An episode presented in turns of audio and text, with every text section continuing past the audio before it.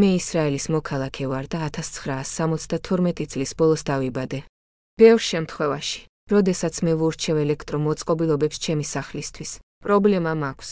როდესაც მე მჭირდება დახმარება, რომ პროდუქტი შესაბამის ადგილზე მივიტანო ჩემს სახლში, ქმედება, რომელსაც ფიზიკური შეზღუდული შესაძლებლობის გამო ვერ გავაკეთებ, დახმარების მისაღებად არ არსებობს. მე მარტო ვცხოვრობ და სხვა ადამიანი არ მყავს დასახმარებლად და ისრაელის სახელმწიფოში არ არსებობს ასოციაცია, ორგანიზაცია ან სამთავრობო ოფისი, რომელსაც შეუძლია დაეხმაროს ასეთ შემთხვევაში. მე ასევე აღნიშნავ, რომ ის კომპანიები, რომლებიც ისრაელში ელექტრომოწყობილობებს აწარმოებენ ან ტრანსპორტირებენ, კაცრად უარს ითხვიან დახმარებაზე და მაშინაც კი, თუ მათ შესთავაზებენ მას გადახდას.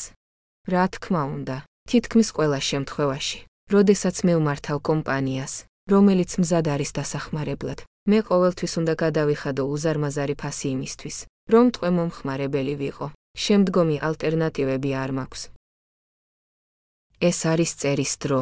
2023 წლის 9 სექტემბერი ისრაელის შტატში. არ ვიცი რა მდგომარეობა ამ სფეროში მსოფლიოს ქვეყნებში ან რეგიონებში. ნებისმიერ შემთხვევაში, მე მოუწოდებ კომპანიებს, რომლებიც აწარმოებენ ან ტრანსპორტირებენ ელექტრომოწყობილობებს, შესთავაზონ შეზღუდული შესაძლებლობის მქონე პირს პროდუქტის დაყენება ან შემოტანა სახლში კონკრეტულ ადგილას და თავიდან აიცილონ ყველა რეალობა აქ აღწერილი მაქვს. საუკეთესო პატივისცემა. ასაფ ბენიამინი